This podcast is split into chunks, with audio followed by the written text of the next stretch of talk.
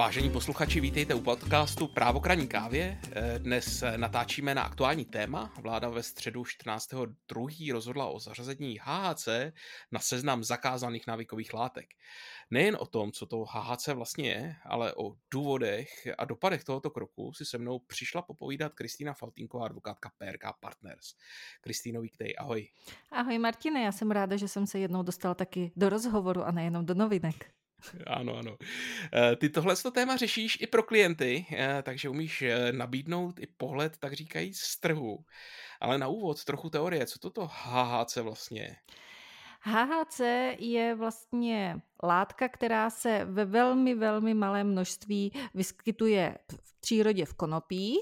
Nicméně uh, ta látka, která se vyskytuje i v nějakých těch výrobcích, které se, uh, se uvádí na trh a které se řeší tady tou novou legislativní činností. Mm-hmm. Jedná se o látku, která je uh, připravována vlastně synteticky, derivuje se z THC, tak, aby se získala vyšší koncentrace. A tahle látka se potom používá různými způsoby, někde se kombinuje právě s klasickými květy, mm-hmm. technického konopí tím, že se na ně stříká, takže oni jsou vlastně obohaceny o vyšší koncentraci této mm-hmm. látky. Dává se do náplní do elektronických cigaret nebo dalších různých zařízení, které umožňují vlastně nějakým způsobem užívat, vdechovat výpary, které tu mm-hmm. látku obsahují. A ta problematická uh, část, která se vyskytla v médiích nebo byla nejvíce v médiích diskutována, tak je přimíchávání HHC do různých vlastně cukrovinek nebo poživatin, které mm-hmm. se mohou potom uh, zaměnit za klasické cukrovinky bez psychomodulačních účinků. Eh, takže bavíme se o těch zprávách, eh, které referovaly o dětech, které intoxikovány HHC museli do nemocnice. Eh, vlastně tomu rozumím, jestli HHC bude mít podobné účinky jako THC, že vláda se rozhodla dát to na seznam návykových látek, nebo proč vlastně by to mělo být špatně? Přesně tak, ono spouštěčem teď eh, té velmi rychlé legislativní činnosti, tak hmm. Eh, byly právě ty mediální zprávy, tam nešlo jenom o děti, dokonce i někteří uh, dospělí podle jejich vyjádření omylem po, požili právě mm-hmm. nějaké cukrovinky a podobně a skončili v nemocnici. Asi je fér říct, že ten pobyt v nemocnici neznamenal nějaké dlouhodobé následky, rozhodně tam nebylo nic fatálního a podobně. Mm-hmm. Když se bavíme o různých návykových látkách, tak některé návykové látky mají na svědomí uh, mnohem horší věci. Nicméně vedlo to k tomu, že se o HHC začalo zase mluvit, ale ono se o HHC, CBD a všech tady těch eh, vlastně látkách, které nějakým způsobem souvisí nebo jsou derivovány mm-hmm. z konopí, mluvilo už před rokem.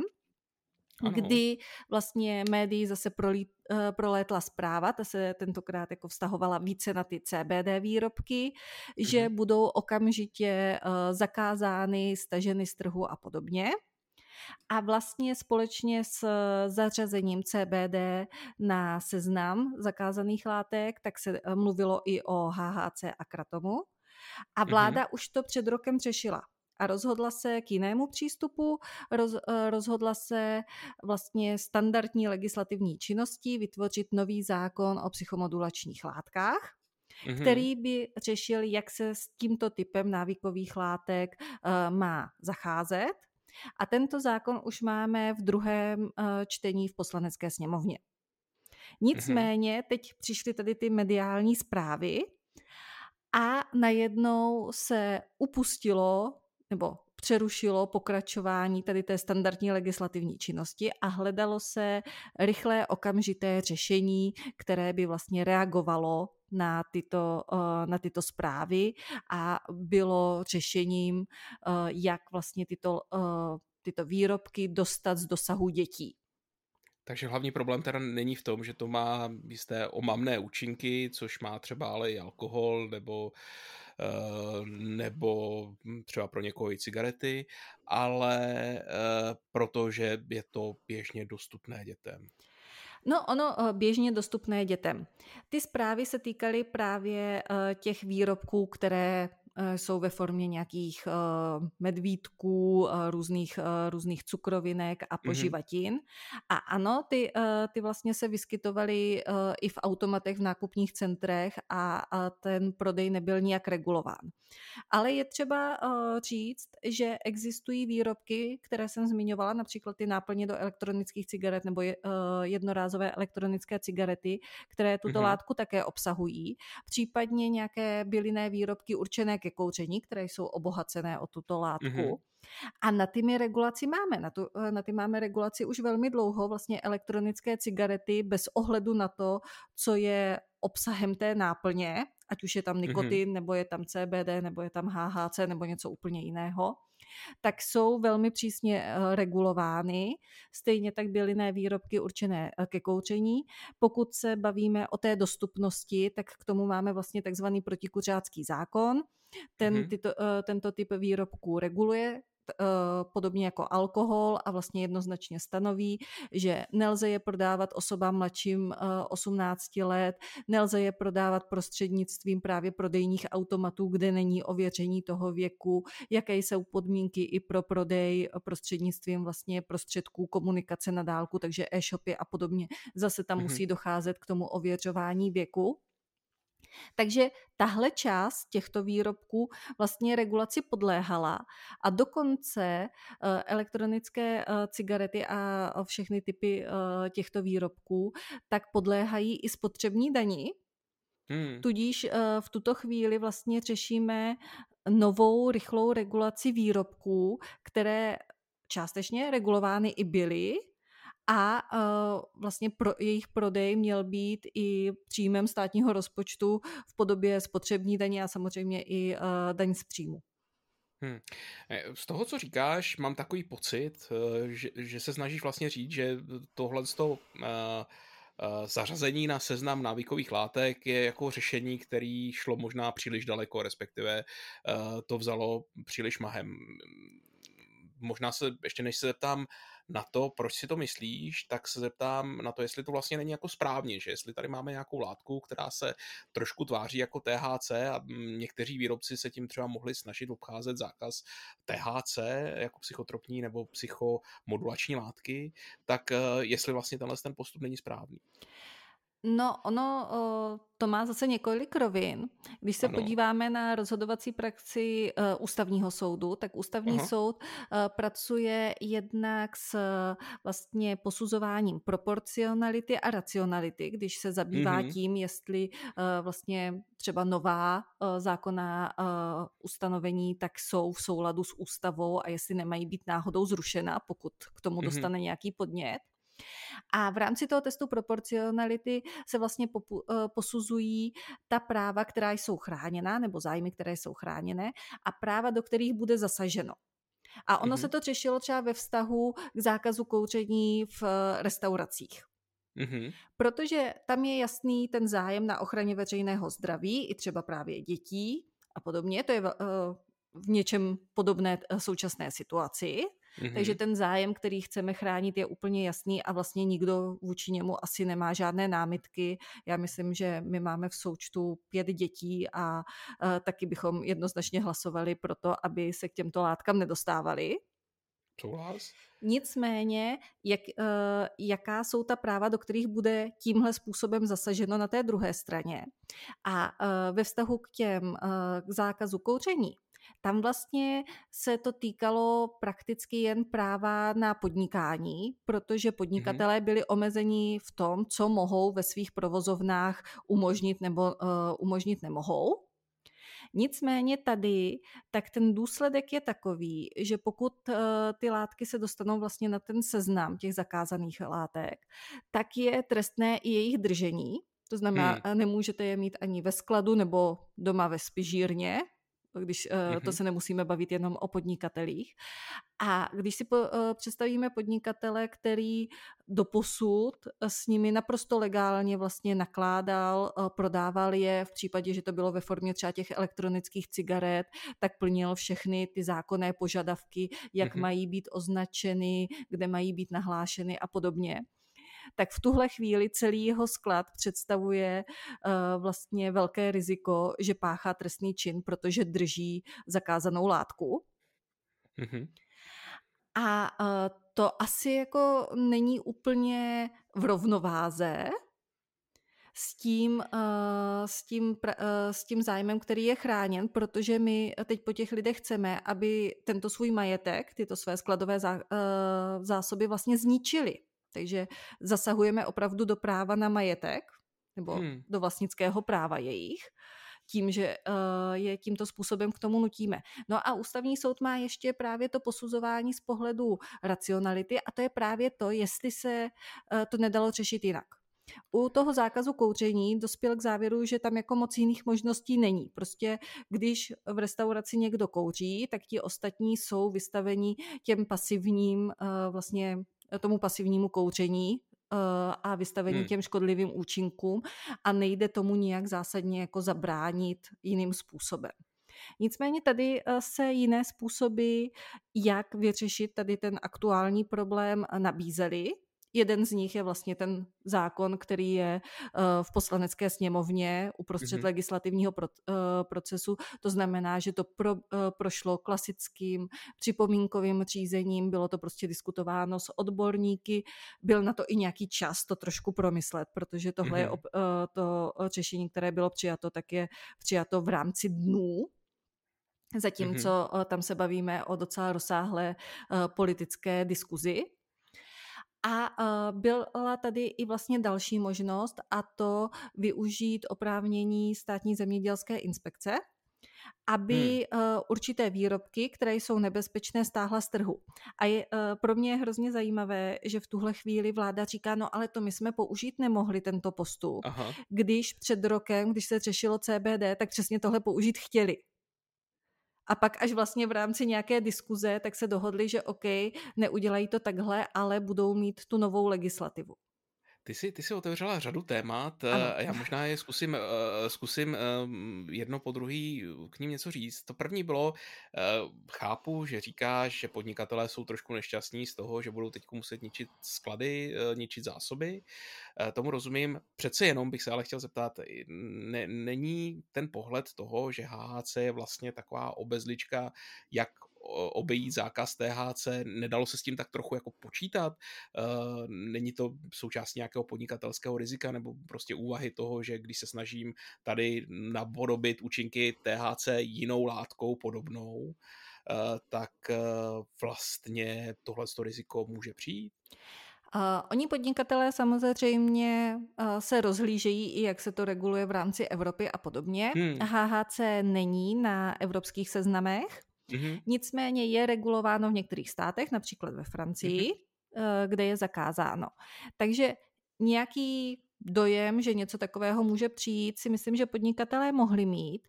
Nicméně po té, co proběhlo ten minulý rok, kdy mhm. vlastně se řešilo, jestli se to dá na ten seznam a řeklo se, ne, nedáme to na seznam. Aha.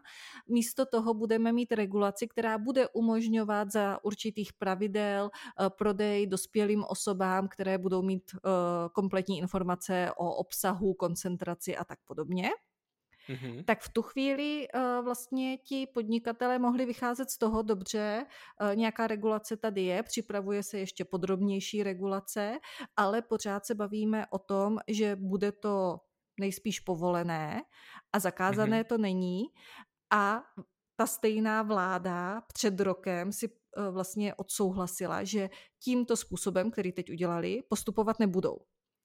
Hmm. Takže tam si myslím, že, argument. Eh, že už jako nějaký pocit právní jistoty, že prostě k nějaké regulaci dojde, s tím všichni počítají, hmm. budou muset, já nevím, doplnit uh, informace na obalech, budou muset to zaregistrovat do nějakého systému a podobně, s tím všichni počítali, ale hmm. teď vláda udělala to, o čem před rokem říkala, že takhle to dělat nebude, že, to chce, uh, že chce postupovat jiným způsobem. To je docela silný argument. Uh, druhá věc, která mě zaujala, ty si říkala, že se to dalo řešit přes nějaký zákaz uh, potravinářské inspekce? Je to tak? Uh, přesně tak. Ono vlastně inspekce má možnost, pokud na trhu narazí uh, a dělá to na nějaký výrobek, který je nebezpečný, uh, tak uh, přikázat jeho stažení z trhu Ono Aha. tam těch postupů je eh, víc, ale o čem se diskutovalo a odkazovalo to právě na ten původní záměr uh, toho řešení před rokem, tak bylo uh-huh. opatření obecné povahy což Aha. je vlastně něco mezi uh, individuálním správním aktem a zákonem. Je, může to tudíž dopadat na neurčitý počet osob. Není to, že jednomu konkrétnímu výrobci by se zakázalo, ale vlastně mhm. všechny osoby, které splní prostě ty podmínky, že na ně se to vztahuje, tady by to byly podmínky, že se to vztahuje na určitý typ výrobku. V tu mm-hmm. chvíli bychom se nebavili o HHC v jakékoliv podobě, protože, jak mm-hmm. jsem zmiňovala, eh, některé podoby těch výrobků tak vlastně regulovány jsou, ale mohli bychom se soustředit opravdu na tu problematickou kategorii těch cukrovinek a podobně. A současně by to bylo uh, pravděpodobně i vůbec nejrychlejší řešení, protože uh, my to teď uh, řešíme vlastně změnou toho seznamu, ale je to takzvaný technický předpis, který se musí hmm. notifikovat na Evropu, což proběhlo, to dokonce vláda udělala už minulý týden, že už tu Aha. notifikaci eh, poslala, poslala ji eh, ve vlastně zrychleném řízení, nicméně musí počkat, až jí z Evropy bude potvrzeno, že opravdu je tady důvod pro to, aby to proběhlo tímto zrychleným řízením. V opačném případě totiž by to na té Evropě mělo ležet tři měsíce bez toho, aby ten předpis se změnil, aby Evropa hmm. vlastně měla tři měsíce na to se k tomu vyjádřit a až na, uh, následně lze ten předpis uh, vydat v České republice. Hmm. Já se ještě vrátím v rychlosti k, t- k té státní zemědělské potravinářské inspekci. Já jsem zaregistroval uh, v minulý týden uh, tweety, nebo spíš posty X uh, mm. od poslance Výborného, uh, který byl vtipný z mnoha důvodů. Uh, jednak protože na pirátskou komunikaci reagoval v kapitálkách dementi a, ale asi to chtěl, aby se to četlo dementy. Aha. Každopádně on se tam snažil dementovat, dementovat to, že to šlo tou státní potravinářskou inspekcí, zemědělskou a potravinářskou inspekcí řešit. Tak kde je ta pravda? Protože Piráti říkají to samé, co ty, že to, že to mohlo být řešeno tím opatřením obecné povahy. Já si myslím, že ono nakonec by to rozhodoval eh, nejspíš správní soud, hmm. jestli to teda bylo možné nebo nebylo možné. Eh, tam spíš on vyhrožoval, že kdyby to udělali, tak by hmm. mohli potom přijít nějaké žaloby na náhradu škody. Aha. Nicméně je otázka, jaká, nebo porovnání zase škod, a to jsme u nějaké zase té proporcionality a racionality, jaká škoda hmm. vznikne, když na přechodnou dobu, tady se pořád totiž mluví o tom, že toto je přechodné řešení. Hmm. Tak když na přechodnou dobu by bylo něco uh, vlastně staženo z trhu, ale člověk by si to mohl nechat na skladě a nic by mu nehrozilo, hmm. oproti tomu, když by uh, v tuhle chvíli měl zničit celý sklad.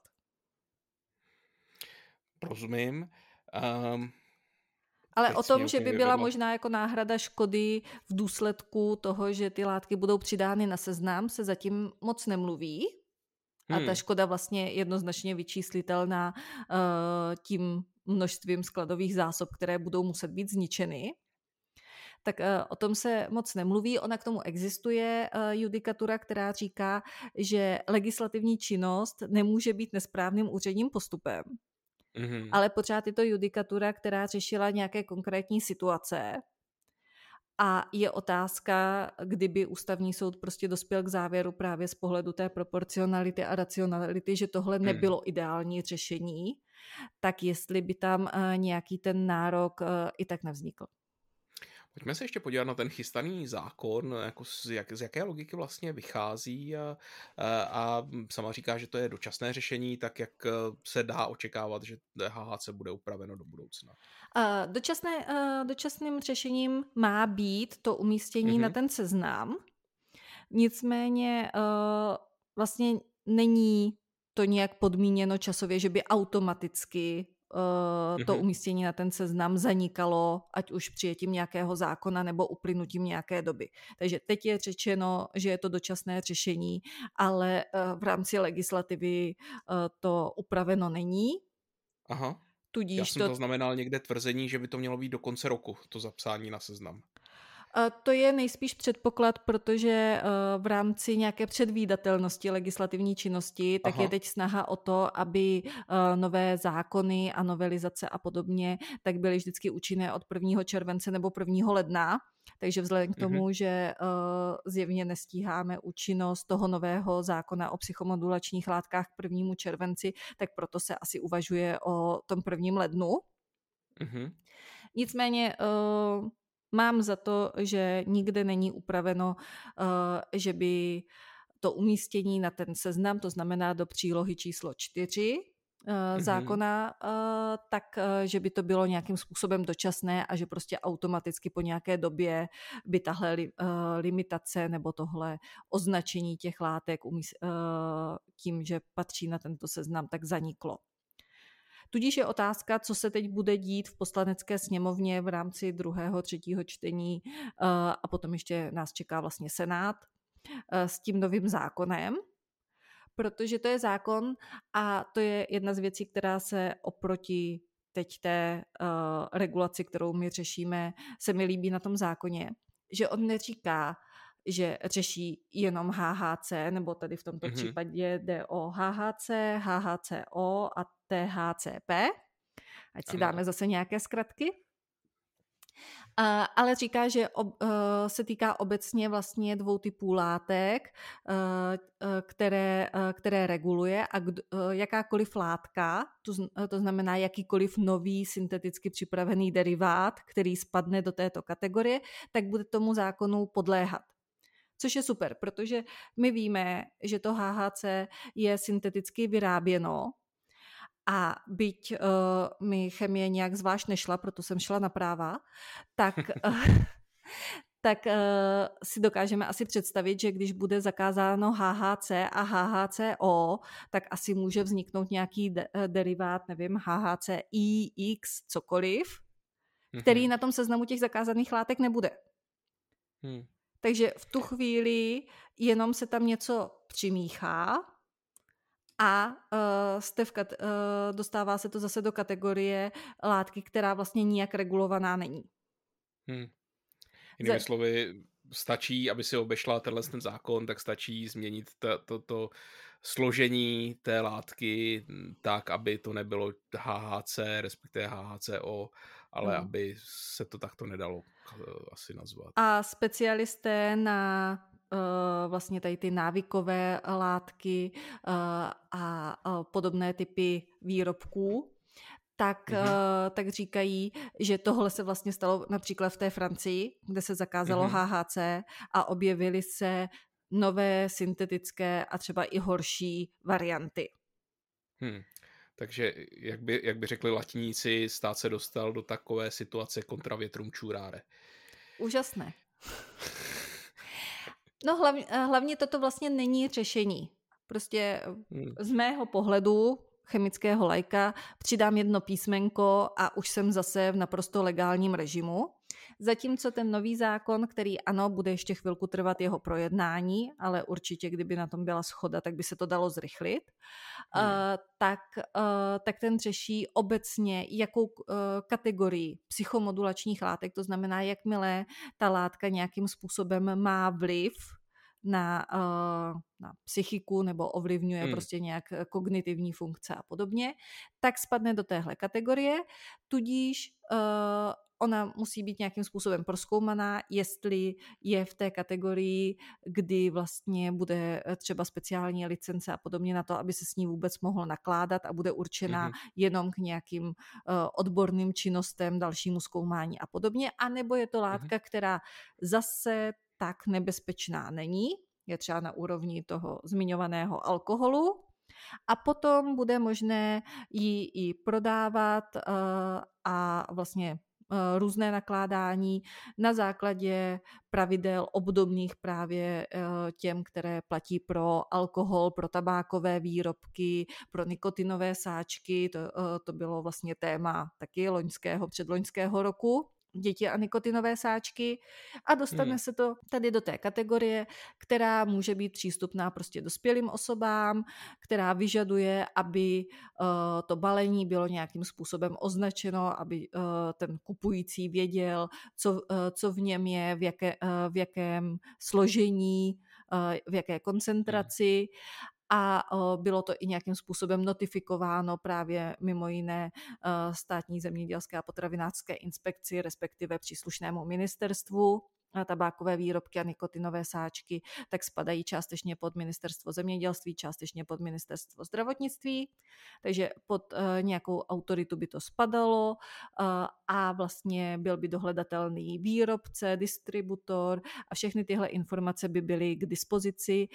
A šlo by o další výrobek, který prostě spadá mezi uh, návykové látky, stejně jako alkohol a cigarety, hmm. ale je za nějakých uh, podmínek možný jeho prodej, je za nějakých podmínek uh, u tabákových výrobků, například velmi přísných, možná reklama, nebo naopak je reklama velmi, velmi omezená, nesmí cílit na děti, nesmí se vyskytovat uh, v blízkosti škol a tak dál a tak podobně ale uh, nedošlo by k tomu, že je to zcela zakázané a člověk, který má doma uh, pro svoji potřebu uh, výrobky, které tuto složku obsahují, tak se prakticky do, dopouští trestného činu, což je něco, čeho se obávají vlastně pacienti, kteří výrobky z konopí používají ke zmírnění příznaků některých svých velmi vážných nemocí.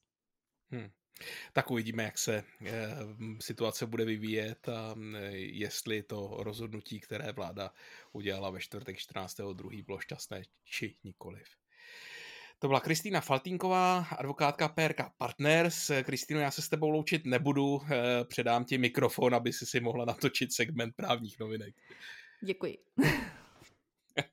Loučím se já, Martin Frolík a těším se u dalšího vydání našeho podcastu Právo kraní kávě. A teď si nás nevypínejte, protože nejenom zařazení HHC na seznam zakázaných látek je novinkou, kterou bych vám ráda představila.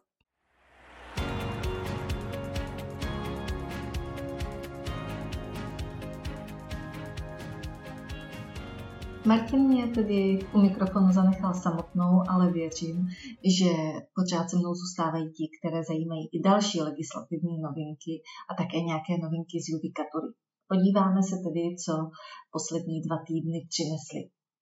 V legislativním procesu, konkrétně v připomínkovém řízení, je novela zákona kterým se mění zákony v souvislosti s podporou vyváženého zastoupení žen a mužů ve vedoucích orgánech některých emitentů. Jedná se o transpozici směrnice Evropského parlamentu a Rady o zlepšení genderové vyváženosti mezi členy orgánů kotovaných společností a o souvisejících opatřeních.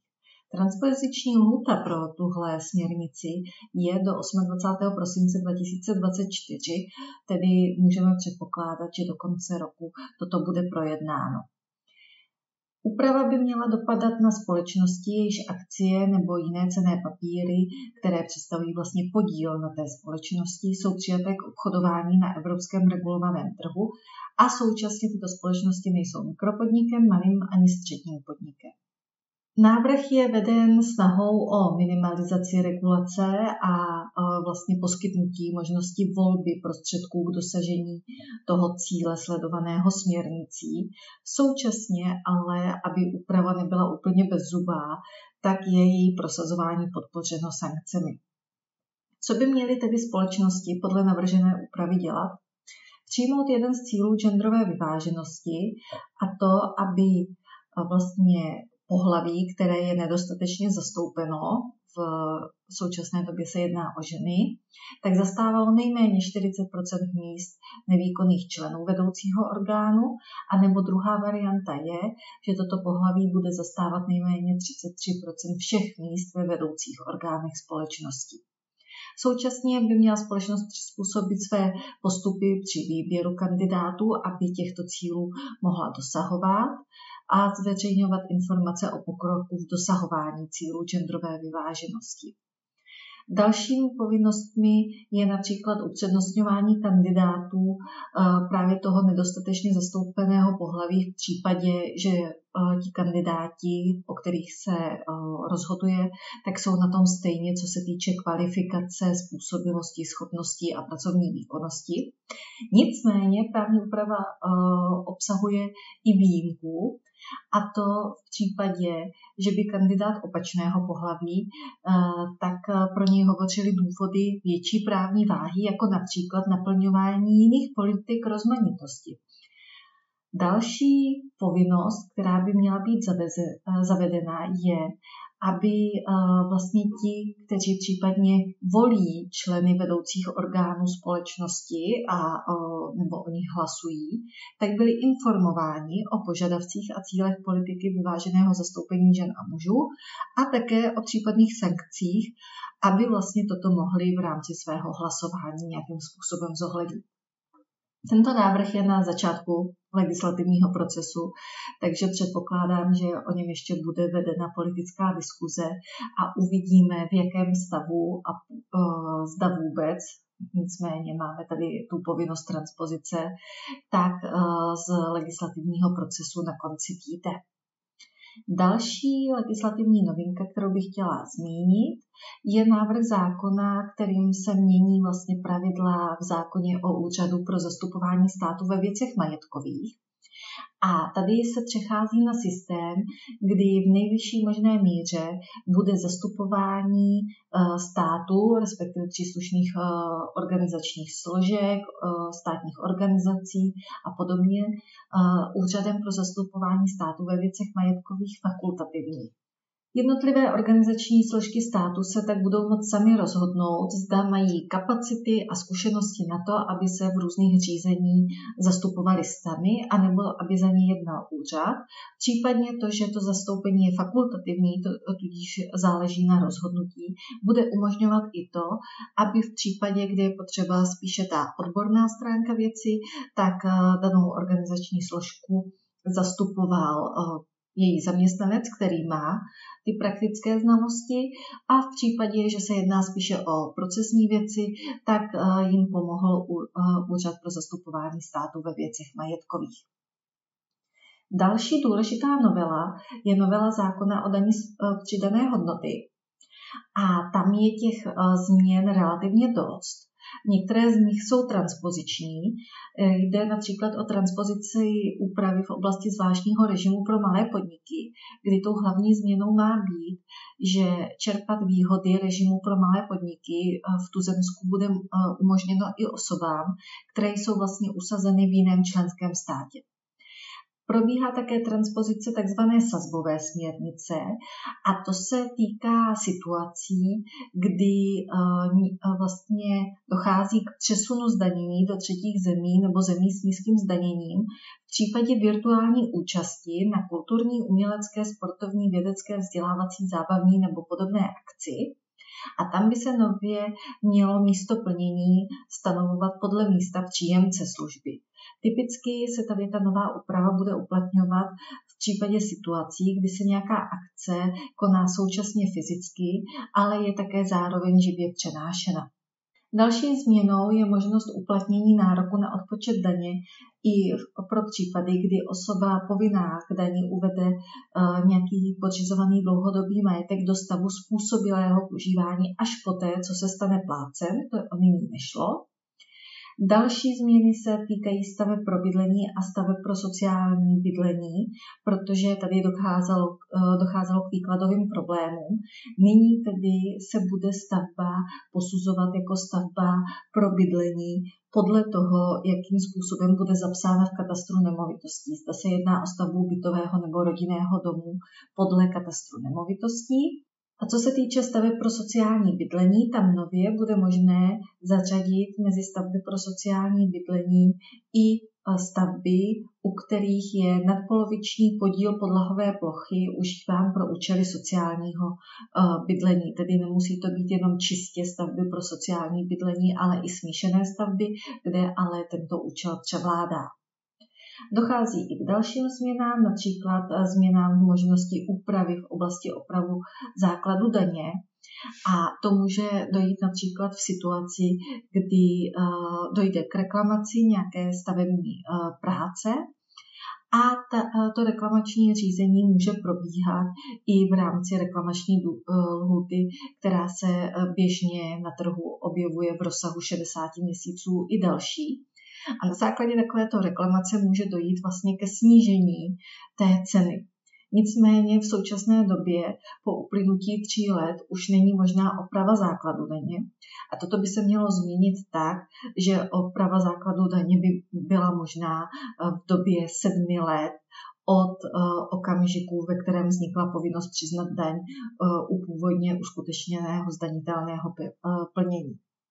Další změny se týkají uh, opravy základu daně v případě nedobytné pohledávky uh, a oprav odpočtu daně v případě nedobytné pohledávky. Má dojít ke zrušení specifické úpravy majetku vytvořeného vlastní činností a ke zrušení institutu vrácení daně osobám se zdravotním postižením. Současně je tady i řešeno osvobození vývozu zboží, které má být odneseno v osobním zavazadle cestujícího a vrácení daně cestujícímu. To se týká uh, tak, uh, takzvaných tax-free uh, režimů. Jedná se o to, že nyní se postupuje tak, že vlastně ten kupující má právo uplatnit nárok na vrácení zaplacené daně u prodávajícího. Nově by šlo o osvobození u tohoto vývozu, avšak ty podmínky zůstávají v zásadě stejné, tak, aby to odpovídalo unijním právním předpisům. A tím jsem se vyčerpala, co se týče nové legislativy a ráda bych vás ještě seznámila eh, s několika novinkami z judikatury. Jedná se o nálezy ústavního soudu. Eh, ústavní soud se zabýval velmi eh, rozdílnými oblastmi života a ta první je exekuční řízení ve spotřebitelských věcech kdy původně se jednalo o uzavření leasingové smlouvy na předváděcí akci, kdy stěžovatelka tvrdila, že jí bylo oznámeno, že vyhrála a že musí podepsat související dokumentaci a následně vůči ní byla vlastně zahájena ex, eh, exekuce pro částku 19 800 korun.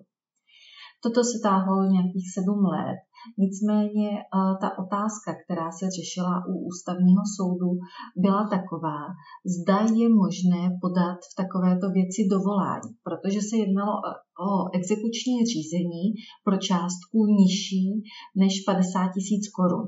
A občanský soudní řád vlastně stanovuje, že dovolání k nejvyššímu soudu České republiky není možné podat proti rozsudkům a usnesením vydaným v řízeních, jejichž předmětem bylo peněžité plnění nepřevyšující právě částku 50 tisíc korun, a to včetně řízení o výkon rozhodnutí a exekučního řízení, a pak je tam stanovena výjimka, leda, že jde o vztahy ze spotřebitelských smluv a o pracovně právní vztahy.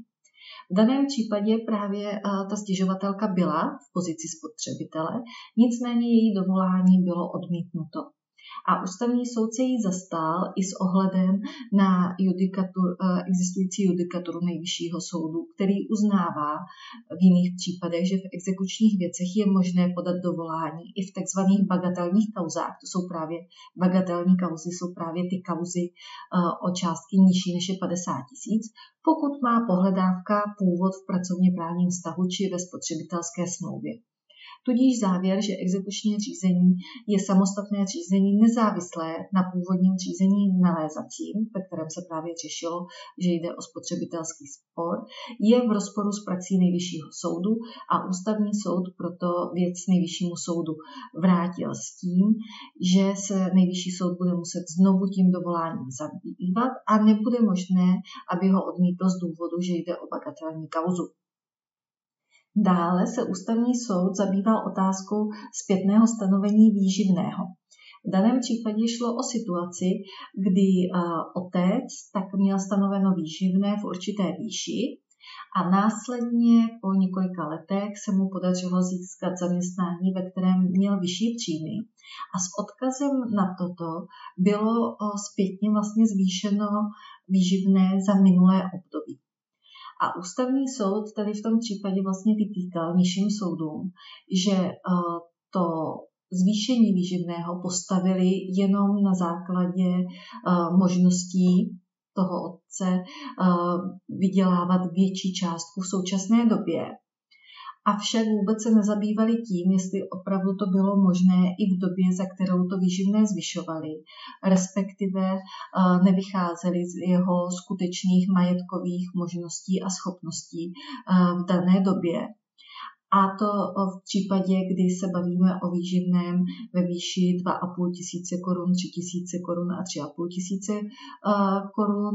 To znamená v případě, kdy, kdy celková ta finanční situace otce nebyla dobrá a vlastně to výživné v době, kdy on procházel oddlužením a byl v léčebně a podobně, představovalo 51% i dokonce 61% jeho, eh, jeho příjmů. Tam ústavní soud zdůrazňuje, že i když v některých případech může vyživné představovat eh, více než 50% příjmů eh, rodiče, když má například tři děti, tak je třeba, aby soudy přihlédly i k té skutečné částce, která vlastně by potom zaplacení vyživného otci zbyla a zdá vůbec taková částka umožňuje nějaké rozumné, důstojné stejné živobytí a aby i porovnali vlastně tu životní úroveň těch dětí, které žijí s matkou vůči životní úrovni, které, které by dosahoval otec, pokud by platil výživné v takovéto výši, kdy je nutné vzít vlastně v úvahu minimálně nutné výdaje povinného rodiče na jeho život a bedlivě přihlížet k jeho sociální situaci právě i ve vztahu k životní úrovni, které dosahují jeho děti, na které má to výživné platit. Další nález ústavního soudu je zase z úplně jiné oblasti a jednalo se o vlastně odškodnění pozůstalých po policistovi, který zemřel v rámci dopravní nehody policejního automobilu, kterou zavinil policista, který ten automobil řídil. Nejednalo se o situaci, kdyby například pronásledovali nějaké, někoho podezřelého ze spáchání trestného činu či o jinou policejní akci, ale uh, ten uh, policista, který automobil řídil, byl jediný, který to přežil a následně byl soudy shledán vlastně odpovědným uh, za tu nehodu, ke které došlo. Nicméně tady je situace taková, že v případě příslušníků policie České republiky, hasičských sborů a podobně, se to očkodňování řídí speciální úpravou služebního zákona, která stanovuje i částky, které je možné vlastně těm pozůstalým přiznat a za jakých podmínek. Dokonce omezuje i rozsah osob, které mohou být nějakým způsobem odškodněny. Ono je to odůvodněno tím, že příslušníci těchto profesí ta, a i jejich rodiny jsou nějakým způsobem srozuměny, že s tímto povoláním tak je spojeno určité riziko a že může dojít k nějaké újmě na zdraví, případně i ke smrti. Nicméně ústavní soud má za to, že pokud je porovnána ta situace se situací očkodňování v případě vlastně pracovního úrazu při, v rámci jiného povolání, takže eh, není úplně odůvodněno, proč tam dochází k takto zásadním rozdílům.